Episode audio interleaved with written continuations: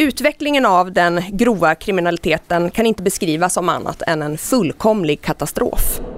Krisinsikt har drabbat socialdemokratin, som plötsligt gått från avfärdande till självkritik. För att eh, verkligheten kräver det av oss. Vad handlar socialdemokraternas nya samhällsanalys egentligen om? Vad innebär kravet på politiska insatser vi tidigare inte sett? Politiska insatser som vi tidigare inte har sett. Och vad händer med ett land som överlåter till egenmäktiga politiker att korrigera de problem de själva skapat? Hur kunde det bli så här? Dessa frågor tar jag upp i veckans video om socialdemokratins skuld. Gillar du mina filmer så hjälper du mig att kunna fortsätta göra dem om du stöttar mig via något av betalningsalternativen här nedanför. Det är endast tack vare ert generösa och frivilliga stöd som jag kan fortsätta att utveckla denna kanal, så ett stort, stort tack till alla de av er som bidrar. Idag talar jag om skuld, sanning och om social ingenjörskonst. Häng med!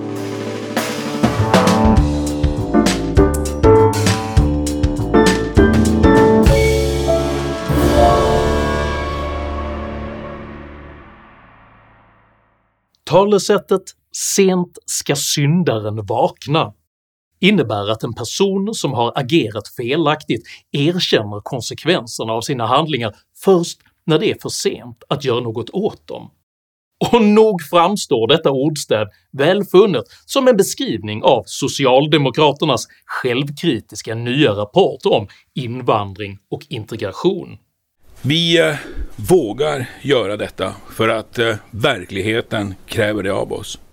Det är förvisso en intressant tolkning av begreppet mod att säga sig våga göra någonting för att verkligheten inte längre kan ignoreras, men på punkt efter punkt erkänner i alla fall slutligen socialdemokratin välkända problem som de själva antingen förnekat, relativiserat eller angripit som demokratifarlig rasism.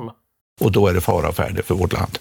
Den kriminalitetsutveckling som för bara ett par år sedan viftades bort som närmast betydelselös beskrivs nu som fullständigt katastrofal. Hur stor är faran för tredje man, oskyldiga, att falla offer för gängvåldet? Den är ju väldigt, väldigt liten. Väldigt, väldigt liten. Utvecklingen av den grova kriminaliteten kan inte beskrivas som annat än en fullkomlig katastrof. Brottslingars etniska ursprung, som man helt nyligen ens vägrade skaffa kunskap om, beskrivs plötsligt som en central del av problembilden. Hur kunde det bli så här? Vi har de senaste 30 åren haft en invandring som saknar motstycke, både sett till omfattning och beskaffenhet. En stor del har kommit från länder med svaga demokratiska institutioner och eh, icke-fungerande skolsystem. Motståndet mot att utreda migrationens materiella, kulturella och språkliga förutsättningar som Stockholms kommunfullmäktiges samlade vänster helt nyligen likställde med fascism beskrivs nu som rädsla. Nej, vi ska inte räkna ett enda öre vad människor kostar. Vad ska ni använda den kartläggningen av folkgrupper till? Ja, vad ska ni ha den här informationen till? Och till slut, det blir så extra talande när Per Osmer slutar med att hänvisa till Wilfredo Pareto. Om vilken Mussolini sa, tyvärr var han inte fascist, men har ändå bidragit mycket till vår ideologi. 2000-talets omfattande invandring har inte varit dimensionerad utifrån materiella, kulturella eller språkliga förutsättningar. Av rädsla för att stigmatisera har samhället inte velat erkänna det här. De utanförskapsområden som först knappt fanns alls Nej, no-go zones har vi inte och som sedan påstods haft samma problem om de befolkats av svenskar beskrivs nu som kulturellt och språkligt isolerade enklaver.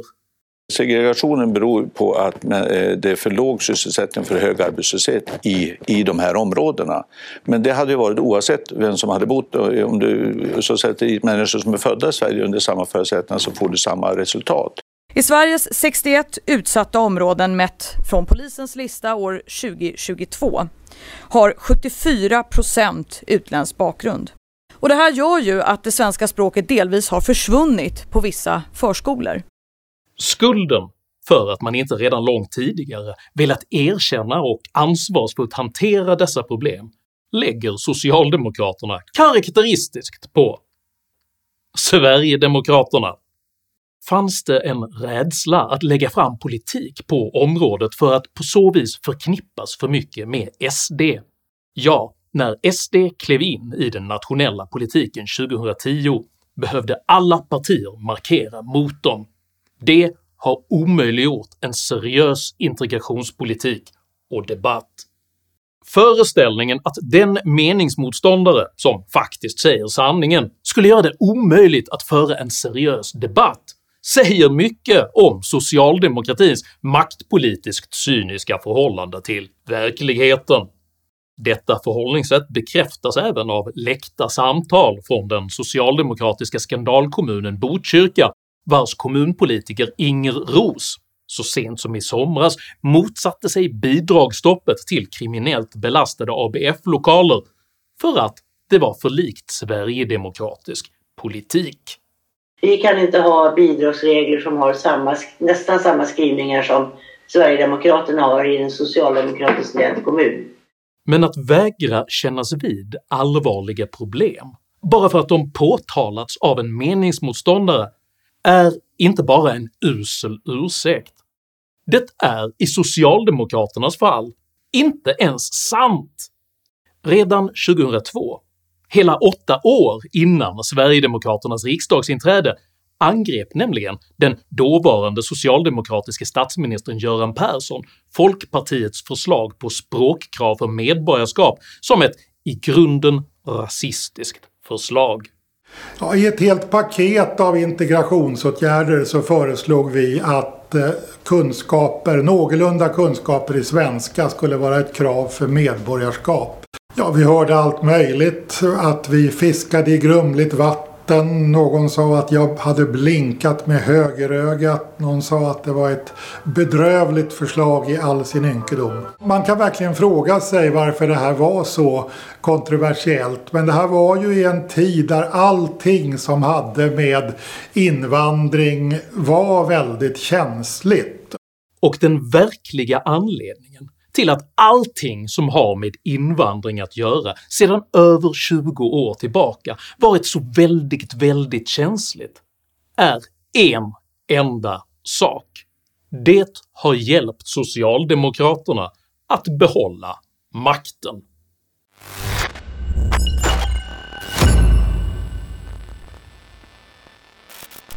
Ur historiskt perspektiv har socialdemokratins väljarstöd varit fallande under flera decennier.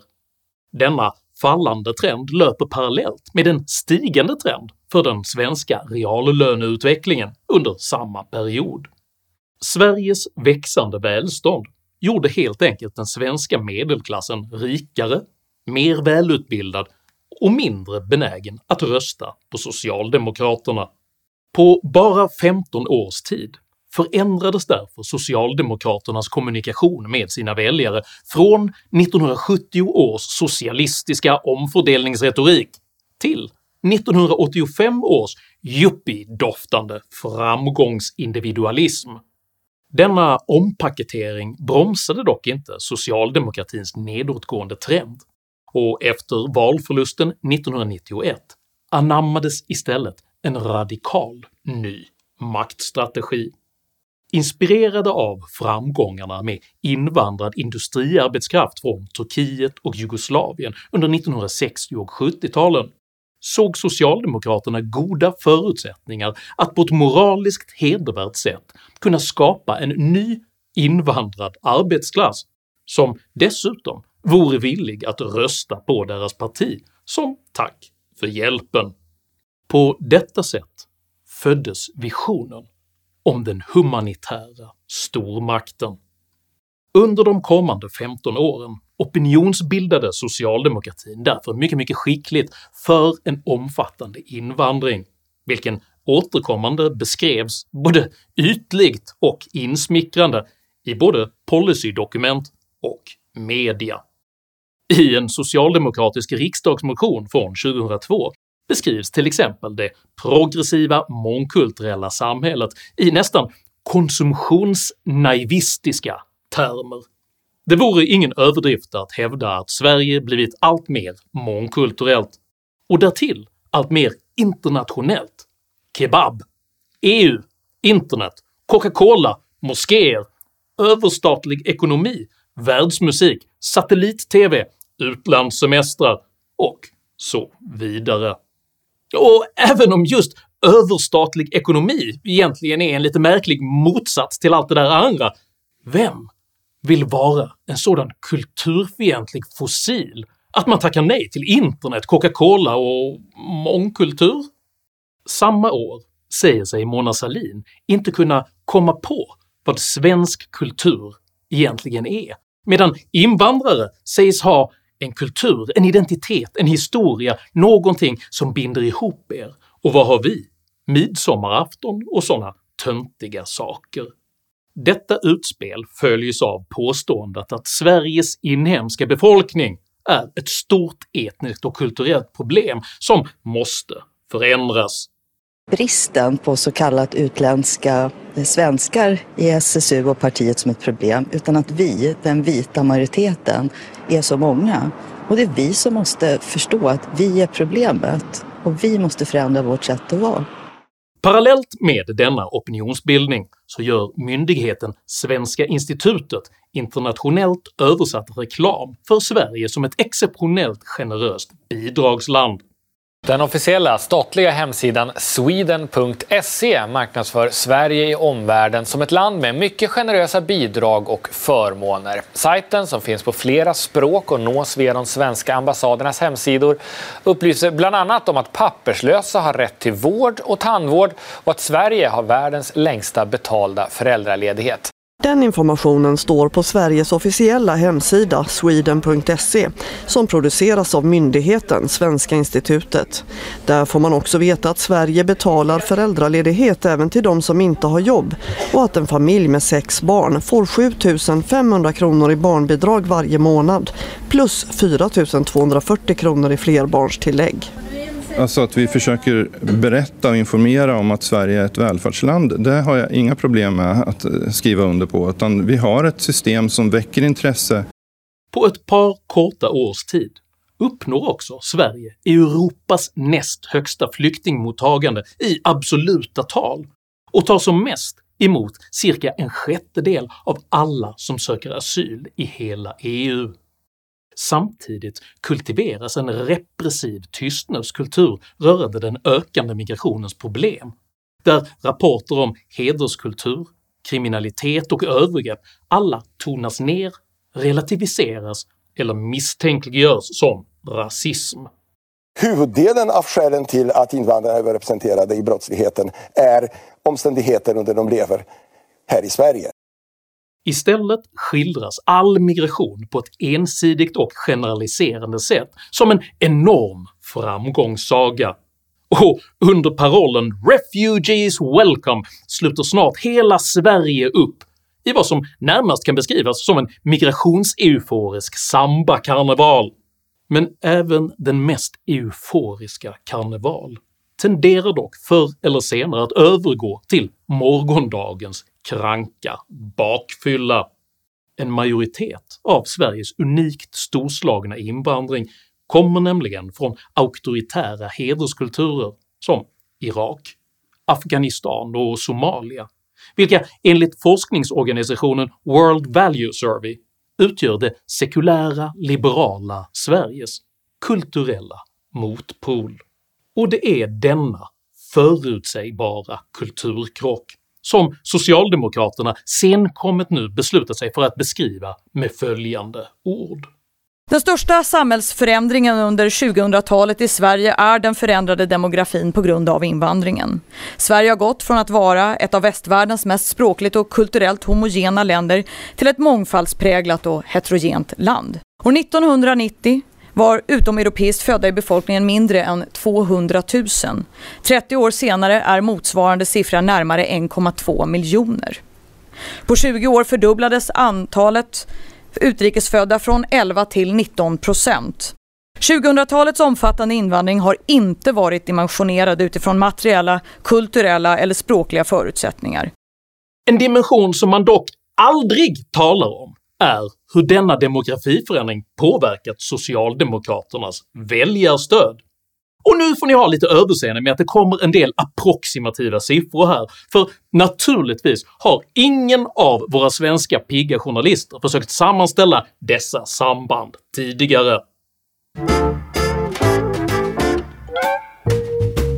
I det senaste riksdagsvalet fick socialdemokraterna 30,33% av rösterna, vilket motsvarar ungefär 2 miljoner människor. Enligt forskningsinstitutet Pews siffror från 2017 hade Sverige en invandrad muslimsk befolkning på ungefär 810 000 människor. Siffran är sannolikt något högre idag. Enligt Statistiska centralbyråns normalfördelningssiffror för ålder bör ungefär 80% av Sveriges 810 000 muslimer vara över 18 år, vilket innebär att Sverige bör ha minst 648 000 röstberättigade muslimer. Enligt Göteborgs universitets valforskningsprograms undersökning “Partipreferenser bland aktiva kristna och muslimer” röstar 66% av Sveriges muslimer på Socialdemokraterna. Detta motsvarar minst 427 680 personer och är en enormt mycket högre andel än i samtliga övriga partier relativt storlek. Denna specifika grupp utgör alltså sannolikt minst 20% av socialdemokraternas samlade väljarstöd. Men detta går inte att säkerställa statistiskt eftersom Sverige inte gjort någon nationell folkräkning på över 30 år. Tvärtom har socialdemokraterna konsekvent och under många, många år förhindrat alla försök att skaffa bättre kunskap om hur Sveriges aktuella befolkningssammansättning faktiskt ser ut. Varför eh, inte regeringen beslutar om en folk och bostadsräkning? Det finns ju ett starkt stöd för det i riksdagen. Ja, vi har lyssnat väldigt mycket på, på de som sköter det här och det, Sverige har ju aldrig genomfört en folk och bo, bo, bostadsräkning på det sättet som har diskuterats. Eh, 95 procent av folkbokföringen är, bedöms ju vara helt korrekt. Eh, och då är det mest effektivt att rikta de resurser på där det är felaktighet. Så det här, att få ordning och reda på folkbokföringen redan när det skrivs in i systemet, eh, är nog en av de mest effektiva åtgärderna för att göra detta. Noterade att det fanns en person från Skatteverket som skrev en artikel igår som frågade också hur ska det här genomföras? Eh, det finns länder i världen som genomför fysiska folkräkningar, eh, men då har man ibland utegångsförbud. Eh, eh, jag vet inte hur det ska gå till. Ska man räkna kuddar och tandborstar i, i lägenheterna? Det här är inte riktigt genomtänkt hur det ska genomföras i praktiken. Låt mig här understryka att det på inget sätt är ett demokratiskt problem att ett politiskt parti åtnjuter ett stort väljarstöd hos olika etniska eller religiösa grupper. Det är däremot ett problem när irreversibel och outredd politisk policy som märkbart gagnar ett enskilt partis väljarstöd säljs in som en moralisk nödvändighet och en ekonomisk vinstaffär bara för att när resultatet visar sig vara konflikter och kostnader skicka notan till svenska folket under förevändningen att man inte såg det komma. Vi såg nog inte det riktigt komma.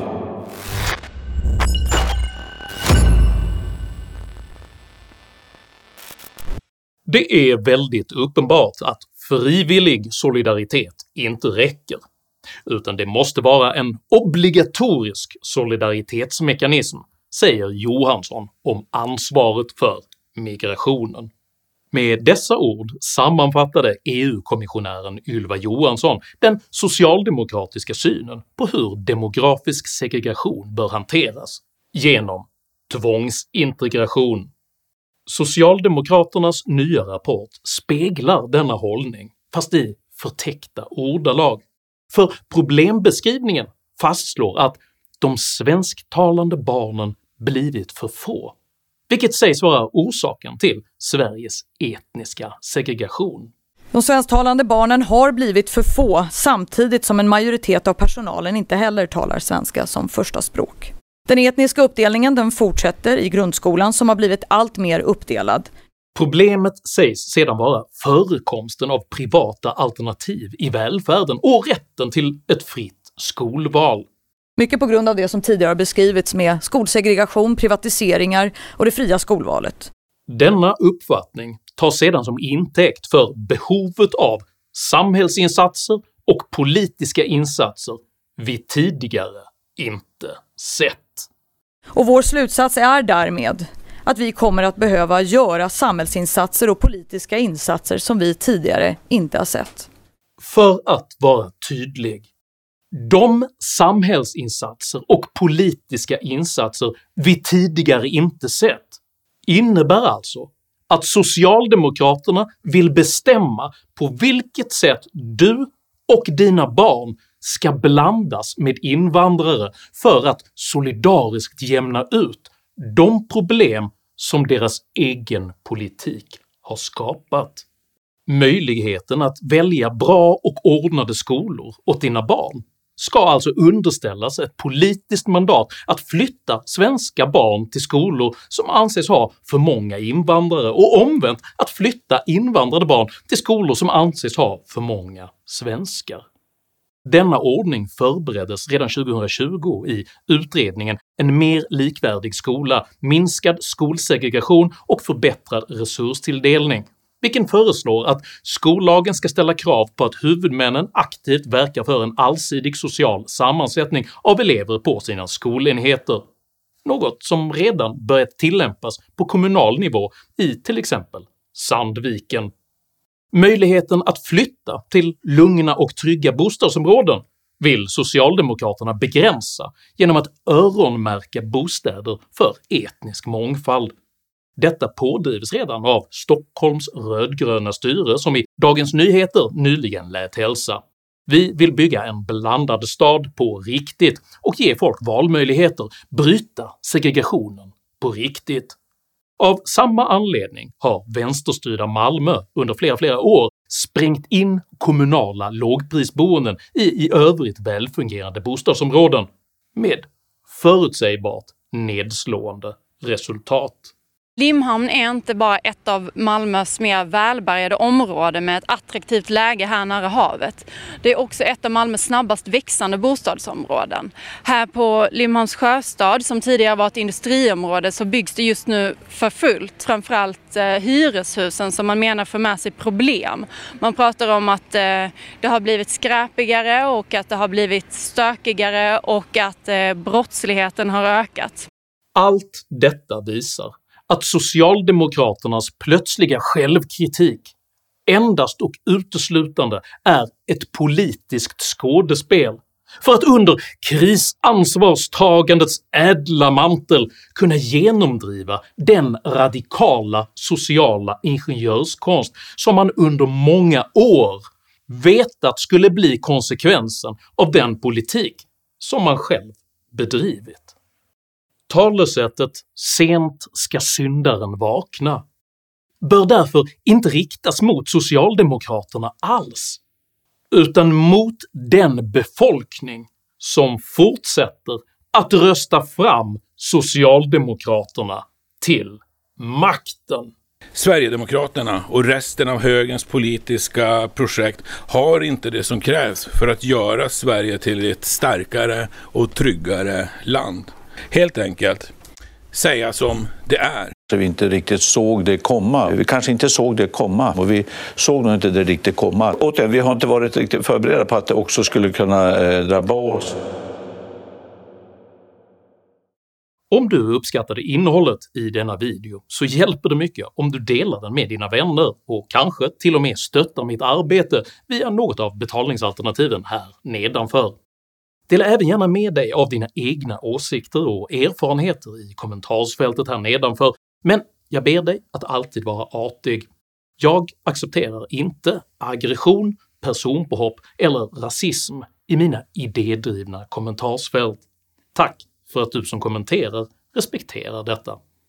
Jag heter Henrik Jönsson, och jag uppmanar det svenska folket att rösta för sitt eget självbestämmande och mot socialdemokratins sociala ingenjörskonst. Tack för mig och tack för att du har lyssnat.